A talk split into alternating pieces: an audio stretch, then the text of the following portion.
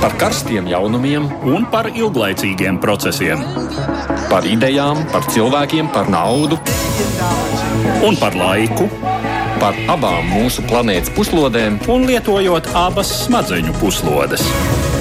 Ēterā raidījums divas puslodes. Labdien, mūsu ikdienas raidījumā, kas ir veltīts notikumiem pasaulē. Mani sauc Aits Tomsons, no atvaļinājuma ir atgriezies arī Edvards Liniņš, kurš kuru katru brīdi būs iekšā studijā. Mēs tuvākajās 50 minūtēs plašāk runāsim par šādiem tematiem. Piektdiena un sestdiena Rīgā notiks ikgadējā konference, kas ir veltīta starptautiskajai politikai, sadarbībai, aizsardzībai, un divu dienu garumā būs interesants diskusijas ar prominentiem dalībniekiem. Visus temats, protams, nevarēsim aplūkot, vienam pievērsīsimies arī mēs. Kāpēc Eiropai neizdodas kļūt par ietekmīgāku spēlētāju starptautiskajā arēnā? Runājot par aktuālo, šķiet ļoti interesanti notikumi ir iznācis Čehijā, kur nedēļas nogalē bija parlamenta vēlēšanas. Rezultāti izrādījās citādi nekā prognozēja vairums aptauju. Turklāt pāri visam klājas Čehijas prezidenta slimības ēna. Viņš nākamajā dienā pēc vēlēšanām nu, itin smagā stāvoklī esot sākumā nonāca slimnīcas reanimācijā. Šobrīd līdz galam nav saprotams, kā lietas risinās tālāk. Bet Nobela komiteja šogad nolēmusi īpaši atzīmēt žurnālistikas nozīmi. Miera prēmija piešķirta diviem žurnālistiem Filipīnās un Krievijā. Jums būs iespēja šodien dzirdēt uh, interviju, jeb sarunu ar Krievijas laikrakstu Novēja Gazeta žurnālistu Irinu Tumakovu. Viņa strādā laikrakstā, kuras galvenais redaktors ir šīs balvas saņēmējs. Viņš pats ir teicis, ka šī balva ir visam radošajam kolektīvam. Būs raidījuma vidū arī kādas ziņas īsākā apkopojumā, bet mēs sākam vispirms ar vispārējo tematu par Eiropas lomu starptautiskajā arēnā. Eiropas Savienība vienlaikus uz globālās politiskās skatuves ir liels un nozīmīgs spēlētājs, un tomēr tāds, kas nespēja līdz galam izmantot sev pieejamos resursus, lai ietekmētu lielo politiku. Eiropas Savienība ir lielākais tirgus pasaulē un apvieno viens no pasaules maksātspējīgākajām valstīm. Eiropieši ir lieliski patērētāji, taču Eiropā buksē investīcijas nākotnes tehnoloģijās, kas neļauj nopietni cīnīties ar tādiem digitālajiem milžiem kā ASV un nu jau arī Ķīna. Politiski Eiropas Savienība ir sarežģīts un nereti sadrumstalots veidojums un apvieno valstis, kuras nevienmēr tur godā tās vērtības, kuras apņēmusies godāt Eiropas Savienība kā starptautiska institūcija. Eiropas Savienībai nav kopīgas armijas, un arī kopīgas ārpolitikas veidošana ir sarežģīta, prasa vienbalsību un neliedz dalībvalstīm īstenot no Briseles neatkarīgu ārpolitiku, kas savukārt ļauj tādām valstīm kā Krievija un Ķīna ietekmēt Savienības iekšējās lietas, izmantojot gan vēsturiskas, gan mūsdienu investīciju saiknes ar atsevišķām dalībvalstīm. Ekonomiski Eiropas Savienība meklē iespējas, kā kļūt par ietekmīgu spēlētāju, piemēram, aktīvi izmantojot iespējas kļūt par līderi cīņā ar klimata pārmaiņām, sargājot savu tirgu no klimatam nedraudzīgām precēm un tādā veidā iespējot ražošanu arī ārpus Eiropas Savienības. Brisele arī meklē veidus, kā iespaidot politiskos procesus ārpus Savienības robežām, kā īpaši svarīgu reģionu izceļot Āfriku, kur gan Briselē jāsceņš ar Pekinas ietekmi. Viss iepriekš minētais nereti liek uzdot jautājumu, vai Eiropas valstis ir gatavas nokt malā savas nesaskaņas, lai veidotu Eiropas Savienību par nozīmīgu globālu aktoru. Telefoniski mūsu sarunai šobrīd ir pieslēdzas Latvijas Universitātes profesori. Viņi ir arī Latvijas transatlantiskās organizācijas valdes priekšsēdētāja vietniece Žaneta Ozoliņa. Ozoliņas kundze, labdien! Labdien! Tīri objektīvi, jūsuprāt, cik liela ietekme tad Eiropas Savienībai ir tajā starptautiskajā politikā? Varbūt pārāk zemu sevi novērtējam. Acīm redzot, atbildi būs atkarīga no tā, uz kura krēsla runātājs sēž. Uh, jo tikko izskanējušajā sižetā arī ļoti labi ir uh, raksturota situācija. Ja mēs raugamies uz Eiropas Savienību kā globālo ekonomikas spēlētāju, ja skatāmies uz Eiropas Savienību kā spēlētāju klimata pārmaiņu mazināšanas procesā, uh, tad noteikti Eiropai nevajadzētu būt pieticīgai, jo tādēļ, ka tie panākumi tiešām ir vērā ņemami. Savukārt, ja mēs raugamies uz Eiropas Savienību kā vienotu spēlētāju ārpolitikā, drošībā un aizsardzībā, tad tādā gadījumā, nu, gan mēs izskatāmies nu, tā kā tādi mazi bērni smilšu kastē, kas nevar vienoties paši par uh, saviem spēļu laukumiņiem un spēles noteikumiem, un līdz ar to izskatāmies vāji pieaugušo spēlēs. Nu, tur jau neko nevar darīt. Nu, tādi esam, kādi esam. No vienas puses, jā, kādi esam, tādi esam, bet tā ir uh, ļoti būtiska nākotnes izšķiršanās. Un to saka gan uh, eksperti Amerikas Savienotajās valstīs, gan arī Ķīnā, Indijā, tur, kur ir uh, pierasts spēlēt pēc citiem spēles noteikumiem, un viņi tiešā tekstā Eiropas Savienībai saka, nu cik tad ilgi jums būs tās 27 atsevišķas ārpolitikas un drošības politikas, kad jūs beidzot izveidosiet vienu Eiropas Savienības valsti. Un tā ir, ka ja mēs skatāmies no ārpus, tad šķiet, ka tiklīdz Eiropas Savienība darbosies kā federācija, tādā gadījumā atkritīs visi šie daudzie jautājumi, kurā virzienā tad Eiropas Savienības ārējā un drošības politika velk. Bet kamēr Eiropas Savienība ir valstu apvienība, kur katrai valstī ir savas intereses, kur katrai valstī ir savi resursi, savi aizsardzības politikas mērķi, tikmēr mums ir jārēķinās, ka Eiropas Savienība eh, starptautiski būs tāds vidēja līmeņa spēlētājs, jo tās nacionālās intereses tomēr prevalēs pār uh, kopīgām interesēm. Eduarda, bet ja savukārt runājam par federāciju vai savienību, nu, esam jau mēs nu, nav, nebūsim taču nekad federācija. nu, nekad nesaka, nekad. nekad jā. bet katrā ziņā mēs varam vērot, cik uh, problemātiska Eiropai ir šī. Mm, mēģināšana kaut kā vairāk vienoties. Un visnotaļ apzinoties, un tas jau ir acīm redzami, eh, ka jā, pēc saviem ekonomiskajiem resursiem, pēc cilvēku resursiem arī uh, Eiropa, ja tā rīkotos vien, vienoti kaut vai tai pašā aizsardzības politikā, nu, teiksim, kaut vai ieviestu visās valstīs vienādus bruņojuma standartus un izstrādātu visās valstīs kopīgi kaut vai vienādus ieroču veidus un, teiksim, nodarbotos mm. arī ar, ar koordinētu ieroču ražošanu. Nu, mēs nu pat, starp citu, nesen runājām par to, ka ir iestājusies spriedze starp Franciju un Austrāliju, jo mm. Austrālija iesaistās vienotā ieroču būvniecības programmā ar Savienotajām valstīm un arī Lielbritāniju.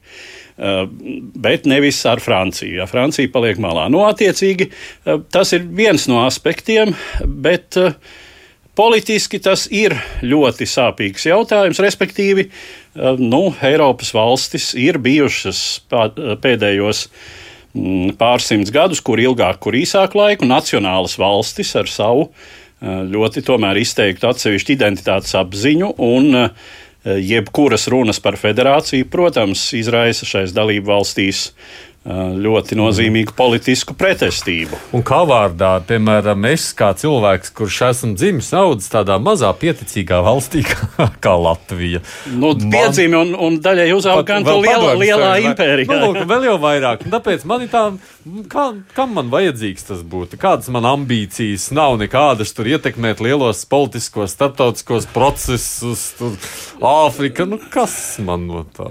Nu, es gan teiktu, ka ja kāds domā par tādu tīri drošību militārā nozīmē, un arī, arī politiskā nozīmē, tad eh, esot eh, kaut kādas lielākas vienības sastāvdaļai, eh, teiksim, Latvijai, lai ko mēs ar to nesaprastu, vai, vai valsti, vai arī nāciju galu galā, tā drošības situācija tikai uzlabotos. Nu, tas no tādas aizsardzības. Ozoliņš kundze, ko jūs sakāt par manu pieticību? Uh, nu, Aigi, protams, pieticība ir laba lieta, ja, bet iedomāties, ka tāpēc, ka es esmu pieticīgs, tāpēc nevienam nebūšu interesants, īpaši dzīvojot blakus vienai lielai un no, neprognozējumai valstī un vienai mazākai valstī, bet tikpat neprognozējumai, jāteic, ka tās izvēles nav pārāk daudz. Bet šeit ir viena būtiska lieta, ko mēs esam aizmirstuši pieminēt, iesākot mūsu sarunu, kā Eiropas Savienības dalību valstis savās drošības un aizsardzības politikās ir uh, Mēs negribētu teikt, ka atšķirīgiem, bet tomēr ar dažādiem mērķiem un dažādām interesēm tai ziņā, ka tās, kuras jūtās vairāk apdraudētas un kuras tik tiešām grib būvēt bruņotos spēkus tādi, kas ir spējīgi atvairīt potenciālo uzbrukumu, viņas tomēr ir pievienojušās NATO aliansē. Vai ne? Vai ne? Jā. Un līdz ar to, teiksim, tas, ka veselai virknē valstu jau investīcijas tiek veiktas šajā organizācijā, aizsardzības plāni tiek būvēti ar šo organizāciju. Vēl šajā brīdī iesaistīties Eiropas Savienības diskusijās, kurās nav īsti skaidrs vispār, par ko tur tā runāt. Es atļaušos būt tāda mazliet Mhm, ironiska. nu jā, jā, ja? tad, tad, tad līdz ar to uh, nu, tās valstis, kuras ir NATO, viņas nav tādas ļoti entuziasmu pārpilnas runāt par Eiropas Savienības aizsardzības politiku. Bet tad ir jāņem vērā to, ka Eiropas Savienībā ir arī valstis, kuras ir NATO, bet tajā pašā laikā viņas grib būvēt nu, to savu, uh, ja tā varētu teikt, reģionālās lielvaras status, un bez aizsardzības tas status patiesībā nu, neko nenozīmē. Un tādēļ arī Francija viņa vienmēr ir bijusi un būs tā valsts, kurai gribas, lai Eiropas Savienībai būtu tie uh, bruņoties spēki, kaut kādas aizsardzības struktūra vienības, kuras viņi varētu izmantot savā labā. Un tas jau nu, nav slikti, tās arī ir tās nacionālās intereses, vai ne? Bet uh, nu, tās nebūs visgluži Eiropas intereses, bet tās būs Francijas intereses.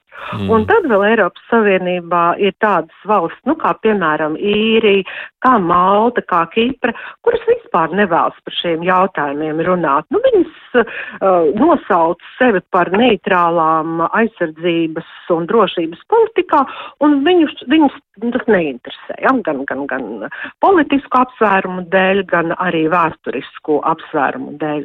Un tad visā šajā kokteilī tagad uh, runāt par to, ka pēkšņi Eiropas Savienībai būs kāda vienota ārējā un drošības un arī aizsardzības politika, ir diezgan riskanti.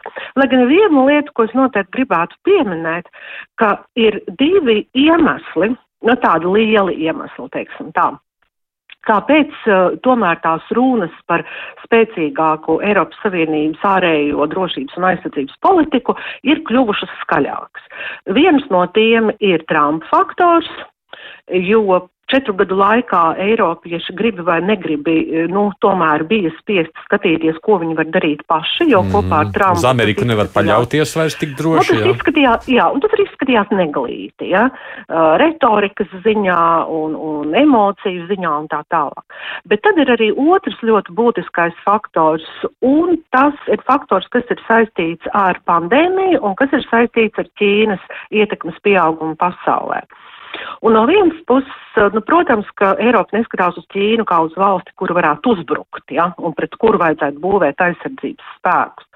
Bet Ķīna kļūst spēcīga uh, visās frontēs, ne tikai finanšu un ekonomikas, uh, arī tehnoloģiju jomā, arī aizsardzības jomā. Un lieta ir tā, ka tās valstis vai tie spēlētāji, šajā gadījumā Eiropas Savienība, var pretendēt uz globālu spēlētāju tad, ja viņai ir viss varas spektrs taiskaitā arī militārā vara. Un ņemot vērā to, ka Ķīnai šis spektrs veidojās arvien spēcīgāks visos virzienos, Eiropas Savienība nevar vienkārši paļauties uz to, ka viņa būs interesants tirsniecības partners. Viņai ir jāpierāda to, ka viņai aiz muguras stāv arī spēks, kurš var ierunāties vai atturēšanas, vai, vai varbūt nu, piespiešanas veidā, uh, lai to globālo lomu varētu spēlēt līdz galam. Un tādēļ arī šobrīd uh, notiek diezgan nu, tādas interesantas politiskas diskusijas par tā saucamo Eiropas strateģisko kompasu, uh, kas, protams, uh, nu, arī mēs šeit varam mazliet pasmīnēt, bet tā ir tāda pirmā lielā Eiropas Savienības diskusija, kurā tiek veidota vismaz samērojuma draudu izpratne. Jo, ja valstīm nebūs vienos, vienojoša draudu izpratne, tad arī nebūs vienojoša drošības politika. Un tas ir nu, viens interesants process, kuru ir vērts pavērot. Kā tu domā, Edvard, kāda ir perspektīva šīm te nu, ilgām, ja vēlmei kļūt nu, nu, jā, konsolidētākiem, iespaidīgākiem? Man ir uh, ļoti grūti, protams, atbildēt uz šo, uz šo tavu jautājumu. Um, es teiktu, ka tās perspektīvas katrā ziņā nav rožainas.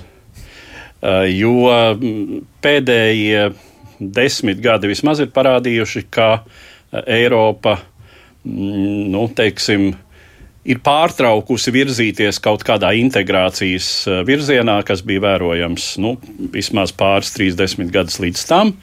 Kā tāda nu, ir sasniegts, acīm redzot, satuvināšanās kaut kāds kritiskais punkts, kurā parādās, nu, tā tīri fizikālos lielumos runājot, parādās atgrūšanās. Parādās kaut kādi vērtību orientieri, kurus nevar īsti salāgot teiksim, izpratne par demokrātiju, izpratne par to, kādām būtu jābūt varas attiecībām ar pilsoņiem un vispār varas mehānismiem. Uh, teiksim, uh, mēs runājam par Poliju un Ungāriju pirmām kārtām kā Eiropas uh, grūti audzināmajiem bērniem šobrīd, bet līdzīgas problēmas jau parādās arī šur tur citur.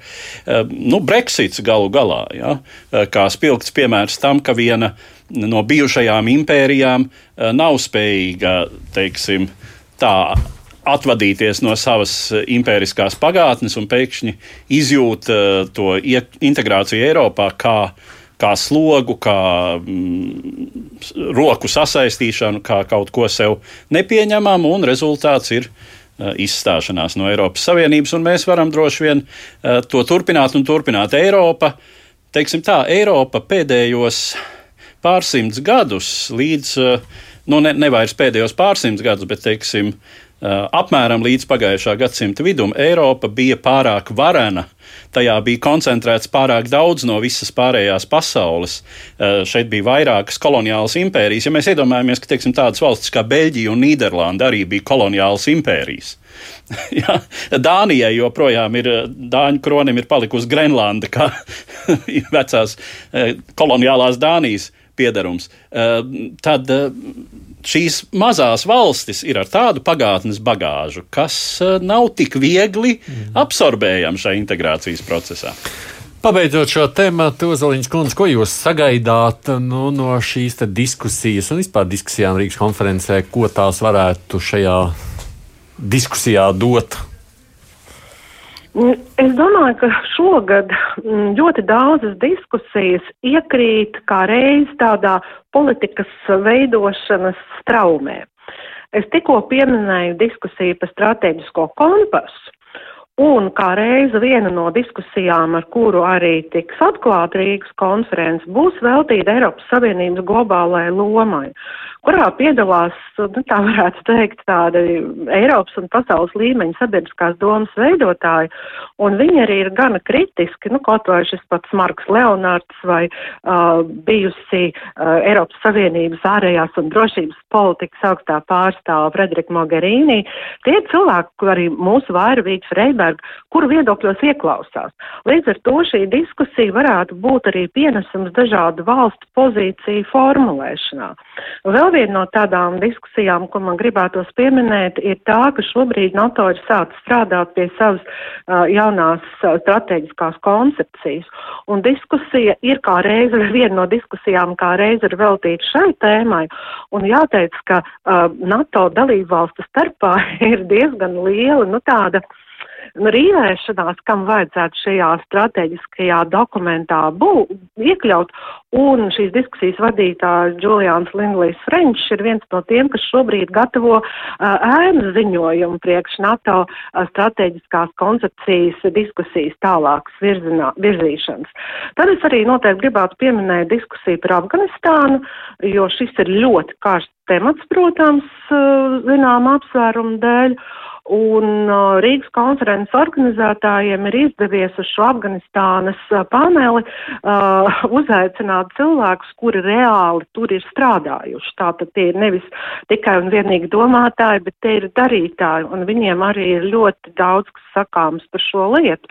Piemēram, starp citu šo Afganistānas diskusiju uh, vadīs pirmais Eiropas Savienības vēstnieks Afganistānā, kas ir mūsu Lietuvas uh, kaimiņu bijušais ārlietu ministrs ministrs Vidaugas Ušatskis, kas arī ir ļoti interesanti, ka Baltijas attiekās ar Afganistānu šādā Rīgas diskusijā. Bet jāteic, ka ir ārkārtīgi daudz interesantu tematu, lai varētu visus aktuālos tematus salikt mm. programmā. Šogad diskusijas ir tikai vienu stundu garas, ļoti intensīvas, un, un es tiešām ieteiktu visiem, kurus interesē starptautiskā politika, sekot uh, notikumiem. Jā, rīt parīt tātad konferences piekdienas sestdien. O, gan jau ziņas arī par to stāstīs, bet dodamies pie nākamā temata. Par vēlēšanu rezultātiem Čehijā, kur nedēļas nogalē Čehijam bija jāievēl parlaments. Klausāmies tātad vispirms Eduards sagatavoto ievas ierunāto faktu apkopojumu. Čehijas Republikas parlamenta apakšpalātas vēlēšanas, kas notika 8. un 9. oktobrī, padarījis šīs centrāla Eiropas valsts likumdevēju no politiskās pārstāvniecības viedokļa kompaktāku. Turpmāk 200 likumdevēja vietas būs sadalītas starp četrām frakcijām, no kurām divas gan ir partiju koalīcijas. Kā zināms, pārsteigums tiek atzīmēts tas, ka Čehijas parlamentā šajā sasaukumā nebūs ne komunistu, ne sociāldemokrātu, jo 5% barjeru nav pārvarējusi ne Bohēmijas un Morāvijas komunistiskā partija, ne Čehu sociāldemokrātiskā partija. Līdz ar to savus sabiedrotos ir zaudējis līdzinājais premjerministrs Andrejs Babišs, un tas viņa politiskajai situācijai ir pat smagāks trieciens nekā paša partijas neapmierināto pilsoņu akciju 2011 sniegums, zaudējot 6 no 78 vietām. Galvenie ieguvēji šais vēlēšanās ir liberāla konservatīvā partija alianses Polu, jeb tulkojumā no čehu valodas kopā, kuru veido Pilsoniska demokrātiskā partija, Kristīga demokrātiskās savienības un Čehijas tautas partijas apvienība un partija Top 09. Apvienības partiju mandātu skaits pieaudzis no 42 iepriekšējā sasaukumā līdz 71 šajā. Tāpat deviņus mandātus klāt ieguvusi apvienība Pirāti un Stārasti, Šo apvienību veido partijas stārastu un neatkarīgie, kas, kā jau liecina nosaukums, apvieno pašvaldību vadītājus un citu vietvaru pārstāvjus, kā arī Čehijas Pirātu partiju. Būdams orientēts uz tiešo demokrātiju un decentralizāciju, šis spēks tomēr tiek raksturots kā visumā konstruktīvs, liberāls un pro-eiropeisks, un tādējādi ticamākais alianses spolu partneris nākamajā valdībā. Šādai koalīcijai būtu stabils vairākums parlamentā ar 108 no 200 balsīm. Premjera Babiša partijai gan joprojām paliek lielākā frakcija, tāpēc viņam visticamāk pirmajam Čehijas prezidents Milošs Zemans uzticēs valdības sastādīšanu, kaut arī Babiša izredzes šai ziņā ir visai vājas. Parlamenta ceturtā frakcija, ko veido radikāla labējā partija Brīvība un tiešā demokrātija, ir pirmkārt par mazu, lai kopā ar neapmierināto pilsoņu akciju veidot vairākumu Otrakārt, ar savu radikālo antieiropeiskumu ir problemātisks partneris. Tomēr tiek atzīmēts, ka premjeram Babišam ir iespējas manipulēt, velkot garumā valdības izveidas procesu un tādējādi paliekot pie varas. Prezidents Zemans šai ziņā visticamāk būtu gatavs premjeru atbalstīt. Tiesa, svētdien viņš ievietots slimnīcā. Saskaņā ar Čehijas likumdošanu, ja prezidents slimības dēļ nebūtu spējīgs veikt savas funkcijas, valdības vadītāja nominēšana piekristu parlamenta apakšpalātas priekšsēdim, kuru gan jaunajam parlamentam vēl jāievēl.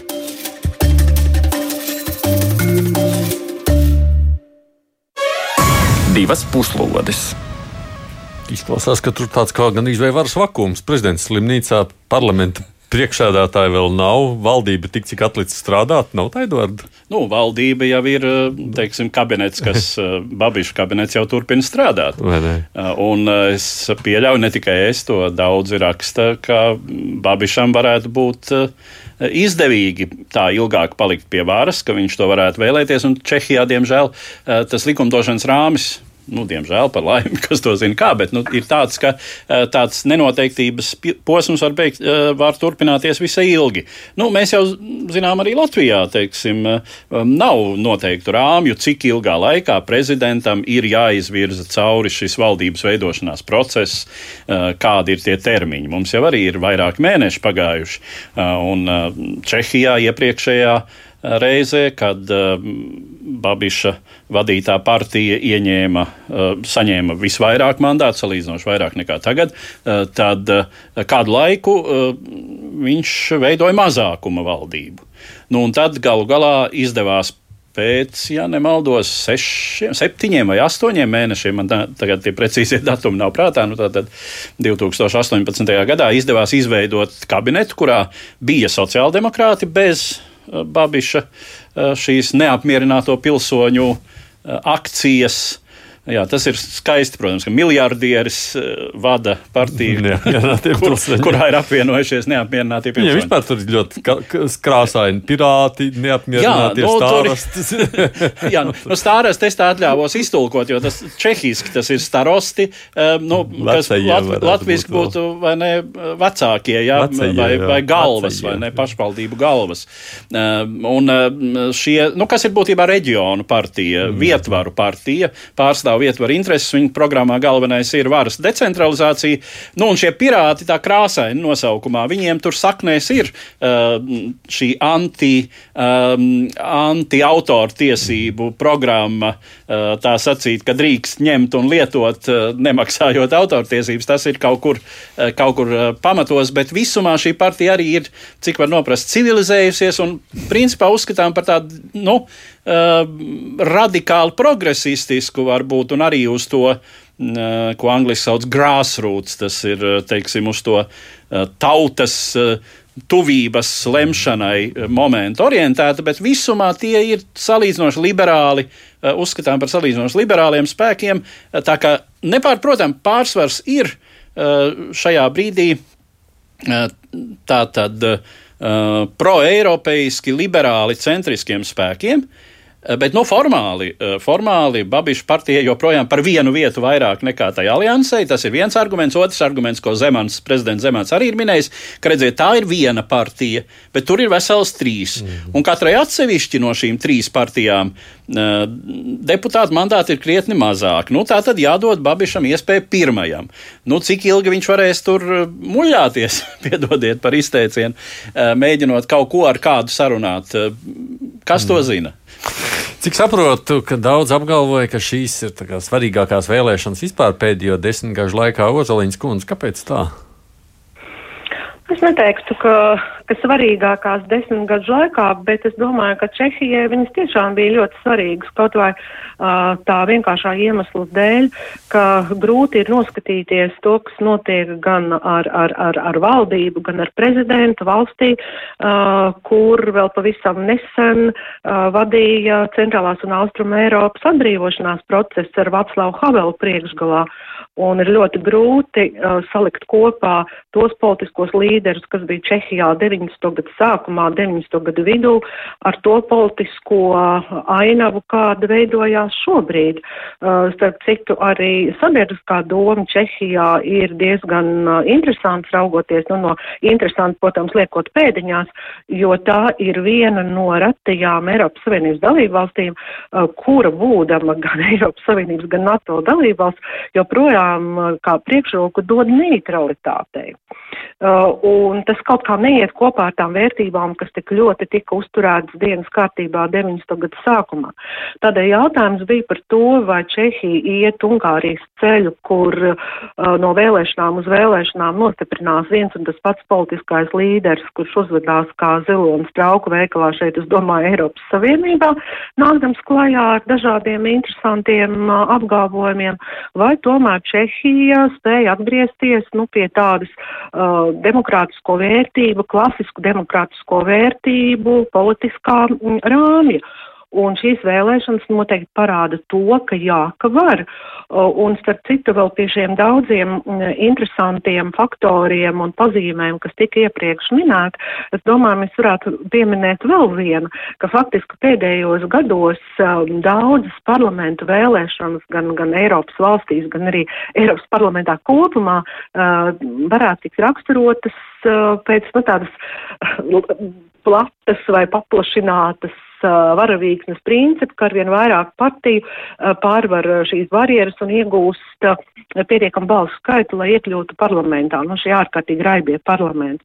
Savukārt Čehijā mēs redzam, ir noticis pretējais process, ka tā fragmentācija šajās vēlēšanās vairs nav vērojama, bet taisni pretēji ir šie četri lielie spēlētāji, kuri tad faktiski nodarbosies ar varas dalīšanu, pārdalīšanu un, un valdību valdības veidošanu nākamajos mēnešos un pēc tam valdīšanu gados. Jā, runājam savukārt par to, tad faktiski šīs vēlēšanas bija tādā ziņā par vai nu populisms vai nepopulisms. Jā. Ne, tas nebija tāds jautājums tikai par to, vai man lielāka pensija būs šajā reizē. Jā, tieši tā, tieši tā, jo šeit faktiski var redzēt ļoti skaidru dalījumu starp liberālām vērtībām uh, Uh, un uh, Babiša partijas un arī Zemana pausto, nu tādu, es varētu teikt, antiliberālo pieeju, ja, jo um, šie divi politiķi, gan Babiša, gan Zemans, ļoti bieži būvēja savu politisko kapitālu uz liberālismu noliekšanu.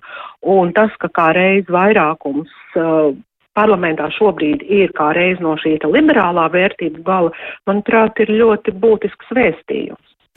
Ja, maza tāda nianses tikai Edvards runājot par prezidentu un slimnīcā esošo. Tagad es, es sapratu, ka tas var ilgt diezgan ilgi, vai ne? Tā, nu, jā, nu viņš ir nopietnas. gados samērā vecs cilvēks, viņam ir 75, jā, atmiņa man nebija. Bez tam nu, viņam, viņam garšojot alkohols un cigaretes joprojām, un tur var būt visādi, protams. Nu, un tad nu, ir jautājums, cik ilgā laikā Parlamentam ir jāsanāk eh, un jāievēl priekšsēdētājs parlamenta apakšpalātai. Eh, Čehijā ir divu, divu palātu Jā. parlaments, eh, senātu, augšpalātu vēl citā kārtībā, citādā veidā.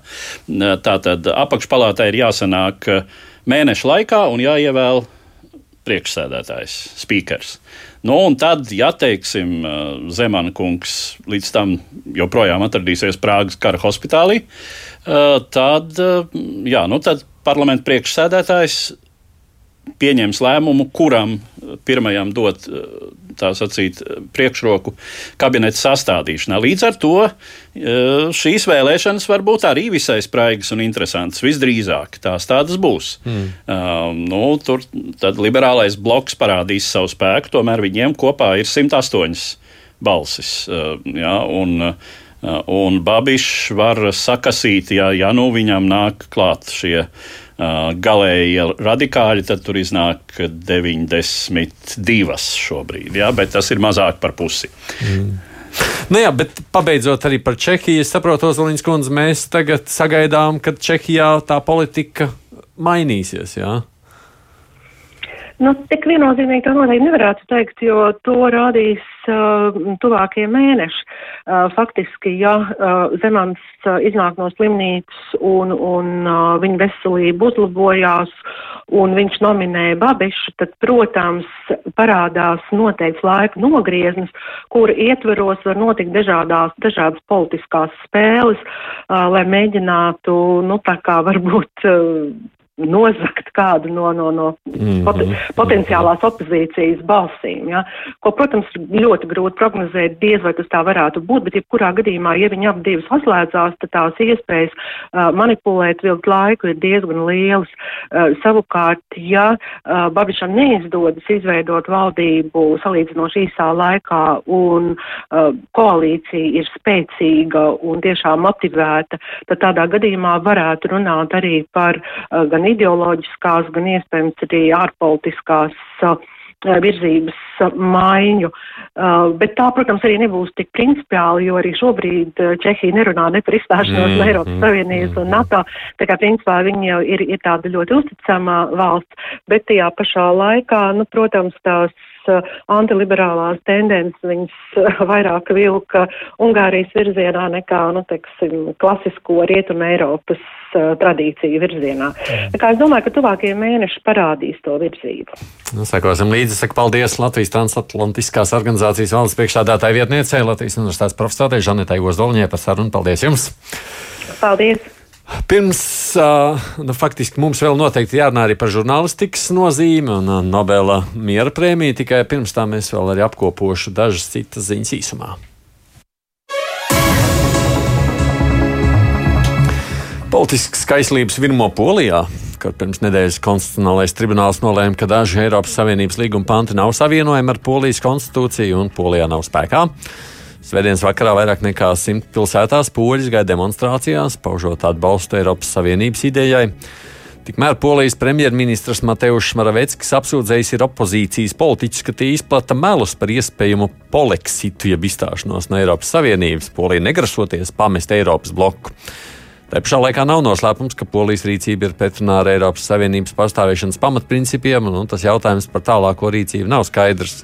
Polijas premjerministrs, noraidot domu par izstāšanos, tā pašā laikā ir atzinīgi novērtējis valsts konstitucionālā tribunāla spriedumu, un Polija ir vismaz viens sabiedrotais šajā nostājā. Tas ir Ungārijas premjerministrs Viktors Orbāns. Austrijā turpinās korupcijas skandāls, kurā savu amatu zaudējis ir Austrijas kanclers Sebastians Kurts. Viņu un vēl deviņus cilvēkus vaino valsts naudas izkrāpšanā un atbildīgu cilvēku uzpirkšanā, lai uzlabotu kanclera publisko tēlu. Ir veikts ne tikai kratīšanas, bet arī pirmie aresti. Otradien par pierādījumu iznīcināšanu ir aizturēta sabiedriskās domas aptauju rīkotāji. Viņa ir viena no tām, kas prokuratūras ieskatā ir organizējusi daļai viltotas sabiedriskās domas aptaujas kas bija apmaksāts no nodokļu maksātāju līdzekļiem, un tad publicēts laikrakstā, lai kurts atspoguļot labvēlīgā gaismā. Vēlāk izrādījās, ka īsi pirms skatīšanas viņi iespējams no savu datoru cietā diska izdzēsus visus kompromitējošos datus. Pats Kurts sestdien paziņoja, ka atkāpjas no amata, šādi izglābjot valsti arī no politiskās krīzes. Kanclera amatā pirmdien stājās līdzinājās ārlietu ministrs Aleksandrs Šallenbergs. Bet no politikas Kurts gan nav aizgājis, turpina darboties parlamentā. Vācijas kanclers Angels Merkels Kristīgo demokrātu savienību līdz gada beigām ievēlēs jaunu vadību. Tā pirmdien pavēstīja Savienības ģenerālsekretārs Pauls Cīmjaks. Tā ir reakcija uz vājo sniegumu Bundestāga vēlēšanās, kurās konservatori piekāpās sociāldemokrātiem. Pēc 16 gadiem pie varas Merkels vadībā Kristīgā demokrāta ar vēsturiski vājākajiem Bundestāga vēlēšanu rezultātiem šobrīd ir krīzes situācijā. Savienības līderis Armīns Lašets pagājušā nedēļā lika saprast, ka ir gatavs atkāpties no amata. Datums kongresam, kurā tiks izraudzīta jaunā vadība, tiks izziņots 2. novembrī. Partijas līderi citai vienbalsīgi vienojās, ka mēs ievēlēsim pilnīgi jaunu izpildu valdi. Tātad norādījis ir Cīmjaks. Lašets par konservatīvo savienības vadītāju tika ievēlēts 1. janvārī. Kādu brīdi valdīja optimisms, ka Lašetam esot labas izredzes kļūt par Merkeles mantinieku, bet nu, jau pirms vēlēšanām kļūst skaidrs, ka viņš nav bijis labākais kandidāts šim amatam. Igaunijā pirmdien stājies amatā ir jaunais valsts prezidents Salārs Karis, pārņemot pilnvaras no līdzinājās prezidents Kersti Kaljulaidas. Svinīgā Rīga Kogu sēdē jaunais prezidents deva amatu zvērstu un saņēma prezidenta regālijas. 63 gadus vecais Karis ir absolvējis Igaunijas dabas zinātņu universitāti pēc specialitātes biologs, vadījis vairākas universitātes, bijis Igaunijas valsts kontrolieris, bet kopš 2018. gada bija Igaunijas Nacionālā muzeja direktors. Par savām galvenajām prioritātēm prezidenta amatā nosaucis izglītību, zinātni un inovācijas. Šodien jaunais prezidents devies savā pirmajā ārvalstu vizītē uz Rīgu, šādi apstiprinot, cik svarīgas Igaunijai ir labas kaimiņa attiecības ar mums. Nu, tiesa ar Latvijas valsts prezidentu viņam neizdevās tikties, jo, kā jau ziņots, mūsu prezidentam Gilam Levitam pozitīvs izrādījies ir Covid tests. Pateicoties iniciatīvai Discovery EU, Eiropas komisijas 60 tūkstošiem eiropiešu vecumā no 18 līdz 20 gadiem piedāvās bezmaksas dzelzceļa braukšanas kartes. Pieteikšanās ir sākusies, noslēgsies 28. oktobrī, un tā būs par ceļošanas periodu nākamajā gadā, kas būs Eiropas jaunatnes gads. Šī pieteikšanās kārta ir atvērta Eiropas jauniešiem, kas ir dzimuši laika posmā no 2001. gada 1. jūlija līdz 2003. gada 31. decembrim ceļot ar šo piešķirto biļeti varēs laika posmā no nākamā gada marta līdz 2023. gada februārim, uz laiku līdz 30 dienām. Tā kā pandēmijas attīstība joprojām nav zināma, tad visiem ceļotājiem tiks piedāvāts elastīgas rezervācijas, kurās izmantos jaunu mobīlo braukšanas karti. Izbraukšanas datumu varēs mainīt pat līdz izbraukšanas brīdim. Jaunieši ar īpašām vajadzībām ir īpaši aicināti arī piedalīties. Eiropas komisija sniegs informāciju, ieteikumus un arī seks īpašas palīdzības pakalpojumu izmaksas, piemēram, par pavadošo personu, pavadoniņu suni vai citiem. Protams, gribētāji varētu būt vairāk nekā pieejamo biļešu, bet nu, godīgai atlasē izraudzīta īpaša kārtība, pēc kuras izvēlēties, kuriem no gribētājiem īpašās biļetes tiks, tā kā arī Latvijas jaunieši piesakieties. Nu, lūk, tādas bija dažas ziņas īsumā. Bet nu, par vēl vienu tematu, par Nobela komitejas piešķirto miera prēmiju, kas ir laikam prestižākais novērtējums, kur pasaulē iespējams saņemt. Vismaz man tā šķiet. Atšķirībā no tām Nobela prēmijām, kuras tiek piešķirtas par sasniegumiem eksaktajā zinātnē, kā arī lielākoties Nobela prēmijas literatūrā, Nobela miera prēmijai alaži ir bijis politisks iekrāsojums. Par prēmijas piešķiršanu lem Norvēģijas parlamenta ievēlētā Norvēģijas Nobela komiteja, kuras pieci locekļi ir prominenti norvēģu sabiedriskie darbinieki un politiķi, kuru lēmums attiecīgi atspoguļo Norvēģu sabiedrības vērtību orientāciju. Pašreizējā komitejā darbojas jurista un politiķe Berita Reisa Andersena, starptautiskās politikas eksperts Āsle Toja, politiķe, bijusī Norvēģijas centra partijas vadītāja Anna Engere, bijusī ministre Kristīna Klemeta un politiķis, organizāciju ārsti bez robežām un Norvēģijas Helsinku komitejas darbinieks Jērgens Vatne Frīdnes. Ar 8. oktobrī publiskoto komitejas lēmumu 2021. gada Nobela miera prēmija piešķirta diviem žurnālistiem Krievijas laikraksta Novē Gazeta galvenajam redaktoram kopš 1995. gada Dmitrijam Murātovam un filipīniešu žurnālistei tīmekļu ziņu resursa Rappler veidotājai Marijai Angelitai Reisai.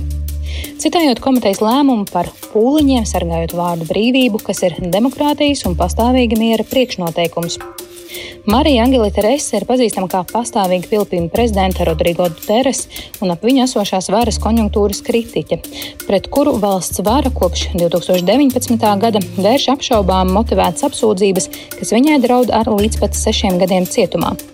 Savukārt laikraksts Noja Gazeta, kuru Dmitrijs Murātovs kopā ar vairākiem citiem tolaik jauniem krievu žurnālistiem nodibināja 1993. gadā, tiek piesaukts kā viens no nedaudzajiem neatkarīgiem nacionāla mēroga informācijas resursiem Krievijas federācijā. Laikraksts regulāri pievērš cilvēktiesību, korupcijas un varas iestāžu īstenotas vardarbības problēmām. Spilgts ir fakts, ka seši no laikraksta līdzstrādniekiem un pastāvīgiem autoriem tikuši noslapkavoti diezgan nepārprotami saistībā ar savu profesionālo darbību. Telefoniski šobrīd mūsu studijā ir pieslēdzis Latvijas žurnālistu asociācijas vadītājs Ilja Kozins. Sveiks, Ilja! Sveiks, Aidi! Ko saki par šo Nobela komitejas lēmumu piešķirt šoreiz prēmijas žurnālistiem? Nu, manuprāt, tas ir tāds ļoti cēls un vajadzīgs solis, jo īpaši pēdējā laikā žurnālisti arvien vairāk pasaulē saskarās ar dažādām grūtībām, briesmām, kā mēs tikko dzirdējām arī dzīvībai, jo, piemēram, laikrakstu novēkais iet žurnālisti nu, ir tikuši gan, gan mobilināti, gan ir nespētos apstākļos kopumā, ja es nemaldos, tad seši, seši vai deviņi cilvēki. Un, uh, Ja skaidrs ir tas, ka nu, tāda parādība notiek visur pasaulē. Un uh, man ir patiesi prieks, ka Nobel miera prēmijas komiteja beidzot to ir pamanījusi. Un uh, ar šādu soli, nu, teiksim tā, atzinusi, ka mūsu kolēģu darbs arī ir ļoti svarīgs un uh, nu, tāds demokrātijas virzītājs. Manuprāt, tas tāds skaidrs signāls, ka, ka žurnālistu darbs pasaulē tiek novērtēts. -hmm. Pašaizliedzīgi mm -hmm. kolēģu darbs. Edvards, ir jau tā, ka, ja mēs skatāmies no tāda sabiedrības viedokļa, sabiedrība vien vairāk lamā žurnālists mūsu, vai ne? Sakot, mēs tur tādi visādi. Nu, Lamājuši jau ir eh, visos laikos eh, kāda daļa sabiedrības, un eh, žurnālists jau pat nedrīkst būt, kā saka, pieclatnieks, kurš visiem patīk. Tad, ja tevi visi tikai uz, uzteic un daudzina, tad kaut kas pilnīgi noteikti ar tavu darbu nav kārtībā. Bet nu, tas tā, triviāli par to runājot. Nopietnāk, protams, ir tas, ka šobrīd pasaulē tāda tradicionālā žurnālistika uh, vispār atrodas uh, nu, problemātiskā pozīcijā sakarā ar to, ka uh, kā tāds ārkārtīgi nozīmīgs informācijas aprites, um, ideju apmaiņas faktors ir sociālie tīkli. Sociālie tīkli, kuros savas domas var publiskot ik viens. Un, ik viens ir kļūst Ik viens uzskata sevi par žurnālistu. Uh, nu, arī tā varētu teikt. Uh, un es domāju, ka daļai sabiedrības ir tāds zināms azarts patiešām atmest tos informācijas pārbaudīšanas, kritiskas informācijas izvērtēšanas kritērijus, kas ir raksturīgi, bez kuriem nevar pastāvēt tradicionālā prese, tos atmest, noliegt nu, faktiski neko īpaši vietā neliekot, respektīvi panākt tādu zināmu informatīvu un līdz ar to arī ideisku anarhiju. Un, protams, ka žurnālisti ir tam joprojām zināms šķērslis. Tā ka tā lamāšana nav, lamāšana tas ir simptoms, ja? mm. bet problemātika ir krietni, krietni dziļāka un līdz ar to krietni vairāk bažas raisoša. Es domāju, ka jā, par to arī ir domājuši Nobela, miera, Norvēģijas Nobela komitejas locekļi, piešķirot šo miera prēmiju tieši žurnālistiem tieši šobrīd, kad nu, žurnālista status ir lielā mērā nu, mēs varētu teikt, jā, apdraudēts, apšaubīts jā. mūsdienu pasaulē. Tajā pašā laikā, nu, ja mēs skatāmies, nu, ko, piemēram, ja kādi izsakās par Thompsonu vai par Liniņu vai par, es nezinu, vai par Kozinu arī, bet izsakās jau tā, nu, kā viņi strādā, tad, tad sabiedriskā mēdījā valsts, nu, viņi ir valsts pakalpiņi, viņi jau nav, uh, nu, kā viņi tikai varai lojāli un tam līdzīgi. Redz, ja runājam savukārt par šiem diviem žurnālistiem, kas saņēma miera prēmiju no vienas puses, jau šķiet, nu, par viņiem taču to nevarētu teikt, vai ne? Iļ Krievija. Tajā pašā laikā, man liekas, pat par Novēja Gazeta jau es Krievijā tur visādi runā. Saka, nē, viņi jau arī tur kaut kur vai ne. Nu, es tomēr esmu pārliecināts, ka par šiem diviem žurnālistiem, kuriem tika nu, arī Nobela prē, miera prēmijas komiteja īstenībā uzsver, ka prēmijas šiem žurnālistiem īstenībā ir prēmijas viņu kolektīviem. Nu, tur bija nedaudz cits formulējums, bet doma apmēram tāda. Nu, es jebkurā gadījumā uzskatu, ka tā prēmija ir pelnīta tādā ziņā, ka nu, šie divi cilvēki ir tiešām tie, nu, kurus nevarētu gluži tā paņemt un absolūtēt sadarbībā ar varu. Jo viņi to ir pierādījuši ar savu darbu, un uh, mums ir neskaitām piemēri, nu, kā es jau agrāk teicu, uh, kad nav vajag iet, piemēram, žurnālisti par savu darbu, ja tā varētu teikt, cēlēni ir samaksājuši ar savu dzīvību un veselību. Uh, tie ir uh, pašaizliedzīgi kolēģi, un man nav ne mazāko nu, šaubu, ka viņi tiešām krietni un uh, godprātīgi pilda savu darbu. Tāpat arī ar uh, Reses kundzi, nu, tur uh, to, to visu darbu viņš ir ļoti uzskatāms. Ko var meklēt, ko var lasīt, internets, paldies Dievam, visiem ir. Un, uh, nu, attiecībā uz šiem cilvēkiem man tiešām šķiet, ka, ja tur arī ir kaut kādi apvainojumi vai pārmetumi sadarbībā ar varu, uh, tad nu, no manas skatu punkta tie ir galīgi nepamatoti. Nu, Klauvīļa, es rēķinos, ka tev tur telefons tūlīt nomirs. Tu teici, ka tu bažies par bateriju. Faktiski mums ir vēl viena saruna. Es tev teikšu paldies par, par veltīto mirkli arī mums, Latvijas žurnālistu asociācijas vadītājiem, valdes priekšstādātājiem Iļam Kozinam. Paldies, tev, Iļa! Paldies! Edvards, tev bija saruna ar vienu no žurnālistiem, kas strādā Novai Gazeta.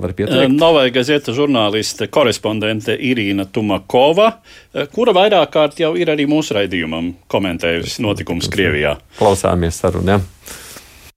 Меня Муратов вытаскивал из тюрьмы в Минске когда меня там э, zaarestovali во время работы на... Mani Murātovs pestīja ārā no cietuma Minskā, kad man tur arestēja strādājot Minskas protestu laikā. Un es biju tik tālu pārliecināta, ka ar mani nekas slikts nenotiks, ka mani stundu agrāk vai stundu vēlāk Murātovs dabūs ārā, ka arestantu vāģī, kad mani veda. Es vienkārši gulēju. Un tas raksturo nevis mani, bet gan šo cilvēku, uz kuru es šai situācijā pilnīgi noteikti paļāvos. Es domāju, ka mēs redakcijā pat ne par visiem šādiem gadījumiem zinām. Viņš pats cenšas to visu neafišēt, un tas arī ļoti viņu raksturo. Neafišēt, tas arī ļoti viņu raksturo характеризуют его. Понятно, что это... Skaidrs, ka šī prēmija nav viena cilvēka, bet lielā mērā visas Novaja Gazeta kā izdevuma nopelns. Kā jūs formulētu tos principus un tos Novaja Gazeta nopelnus Krievijas sabiedrības labā un vispār, kas noteica šīs prēmijas piešķiršanu? Я хочу сразу сказать, что я не говорю от имени новой газеты. Я могу сказать, вот как, как я понимаю Es tūdaļ gribu sacīt, ka es nerunāju visas Novēja gazeta vārdā. Es varu pateikt, kā es saprotu savus principus strādājot avīzē. Tas ir vienkārši rakstīt tā, kā tas ir. Man ļoti nepatīk, kad man saka, ka tā ir opozicionāra avīze. Mūsu avīze nav opozicionāra, mēs neko neizcīnām. Katrā ziņā es šajā avīzē neko neizcīnu. Vienkārši Krievijas realitāte ir tāda, ka tad, kad tu raksti kā ir, vairumā gadījumu tas izrādās pret varu. Ja to uzlūko kā opozicionismu, tad varbūt tā ir, es nezinu. Ir tāda iespēja, tad, kā es redzu, avīze ļoti bieži kādu aizstāv. Tas nepavisam obligāti nav kāds bez vainas notiesātais vai nogalinātais. Tie var būt vienkārši bērni, kuri nesaņem zāles. Un, ja jums jebkad kaut reizi ir nācies dzirdēt, kā Murātovs runā par slimiem bērniem, tad jautājumi par to, kāpēc šis cilvēks saņem Nobel miera prēmiju, atkrīt uzreiz. Labdarības fonds Labā Loks, kuram Murātovs, kā viņš izteicies, pārskaitīs daļu prēmijas un kuru daudz tagad dēvē par Putina fondu, tas nav nekāds Putina fonds, tas ir Murātova fonds. Viņš bija apsēsts ar šo ideju, pie tā strādāja vienkārši lieliski Novie Gazeta žurnālisti, un šī fonda rašanos viņi burtiski izplēsa ar zobiem. Un, ja Krievijā iestājās tāds brīdis, kad bērni ar spinālo muskuļu atrofiju vairs nemirst, jau tas vien man šķiet ir ļoti varants sasniegums. Мне кажется, что уже одно это, это очень, очень круто. Насколько я понимаю, особенно в России. Cik noprotu, pašā Krievijā prēmijas piešķiršana ir izraisījusi maigi izsakoties pretrunīgas reakcijas un vērtējumus, kurus varētu reducēt uz to, ka Nobela komiteja tomēr piešķīrusi prēmiju personai, kas Krievijas varai ir vairāk vai mazāk ērta, katrā ziņā salīdzinot ar Alekseju Navaļniju. Меня эта дискуссия очень расстроила. Если человек в твоей стране Mani šī diskusija ļoti sarūktināja.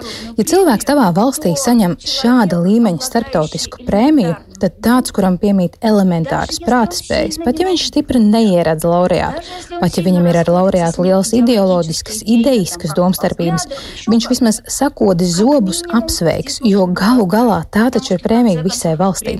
Ja jums ar šo cilvēku ir vienādi uzskati, visumā vienādas vērtības, tad elementārs intelekts ļaus tev vismaz paklusēt. Pirmkārt, šī diskusija man lika šaubīties par daudz tādu cilvēku prātspējām, kurus es līdz šim cienīju vai vismaz attiecos pret viņiem indiferenti. Es vispār nesaprotu, kur radusies šī alternatīva - Morātos vai Nevaļnīs. Te es pārēju pie elementāriem faktiem. Šo prēmiju ļoti reti piešķir kandidāta nominēšanas gadā. Visā prēmijas pastāvēšanas laikā, manuprāt, ir bijuši vien pāris gadījumi. Prezidents Teodors Rūzvelts to saņēma par nopelniem Portsmutas miera līguma tapšanā, kas izbeidza Krievu-Japāņu karu. Nansens saņēma par tā sauktajām Nansena pasēm. Abi gadījumi ir saistīti ar mieru. Tā ir miera prēmija. Tā tiek piešķirta par mieru, nevis par cīņu. Lai arī es ļoti cienu Aleksēnu Navaļņiju kā moceklu un ļoti augstvērtīgu cilvēku, viņš šim kritērijam nekādi neatbilst. Šis cilvēks cīnās. Šo cīņu var uzlūkot kā varanu, to var uzlūkot kā šausmīgu, bet tā nesevišķi atbilst prēmijai, kuru piešķir par mieru. Tāpēc šī alternatīva, Murātovs vai Navaļnīs, izraisa manī lielu neizpratni. Bet par to, ka viņi izvēlējušies cilvēku, kurš ir vislielākajā mērā šīs prēmijas Krievijas cienīgs, nav šaubu nevienam, kurš pazīst Murātovu. Tas, ka viņi ir izvēlējušies divus žurnālistus no Krievijas un no Filipīnām, visai daudz mums pasaka par vārda brīvības situāciju Krievijā. Nezinu, vai Nobela prēmijas komiteja vēlējās raidīt šādu signālu, bet tā to ir raidījusi. Un par to tai paldies. Я не знаю, хотел ли Нобелевский комитет посылать такой сигнал, но он его послал, и спасибо ему. Tomēr vai taisnība, vai ne? Nu, miera prēmija Navaļnīs jau ne, ne jau par mieru šobrīd tur aktīvi cīnās. Ne? Nu, protams, ka zem šīs prēmijas uh, idejas, kā lietus sarga, var palikt diezgan daudz ko. Un uh, Navaļnīkungs bija izvirzīts, Jā, bija. Uh, vairāk Norvēģijas parlamenta deputāti rosināja viņa uh, prēmēšanu, un uh, viņš bija tai sarakstā. Uh, bet, uh, Nu, šajā gadījumā es domāju, ka uh, izvēle, es atkārtošos, izvēle, manuprāt, bija diezgan apzināti tiešām žurnālistiem. Navaļnijas nav īsti žurnālists, lai arī viņa komandā ir cilvēki, kuri uh, veic tādus pētnieciskās izpētes, uh, atklājošās žurnālistikas projektus, uh, taču viņš tomēr ir, ir un paliek politiķis. Un, kas attiecas uz politiķi, tad tur varbūt arī kritēriji ir drusku citi. Citādāk. Tur patiešām ir vairāk jāliek iekšā miera idejās. Un... Nu, jācer jau, ka tas stiprinās Krievijas žurnālistiku. Edvards Liniņš. Paldies, Jāzeisa producenta. Studijā bija Aits Tomsons, raidījums divas puslodes. Līdz ar to šodien izskan. Tiekamies pēc nedēļas, lūkosim, kas atkal jauns būs noticis.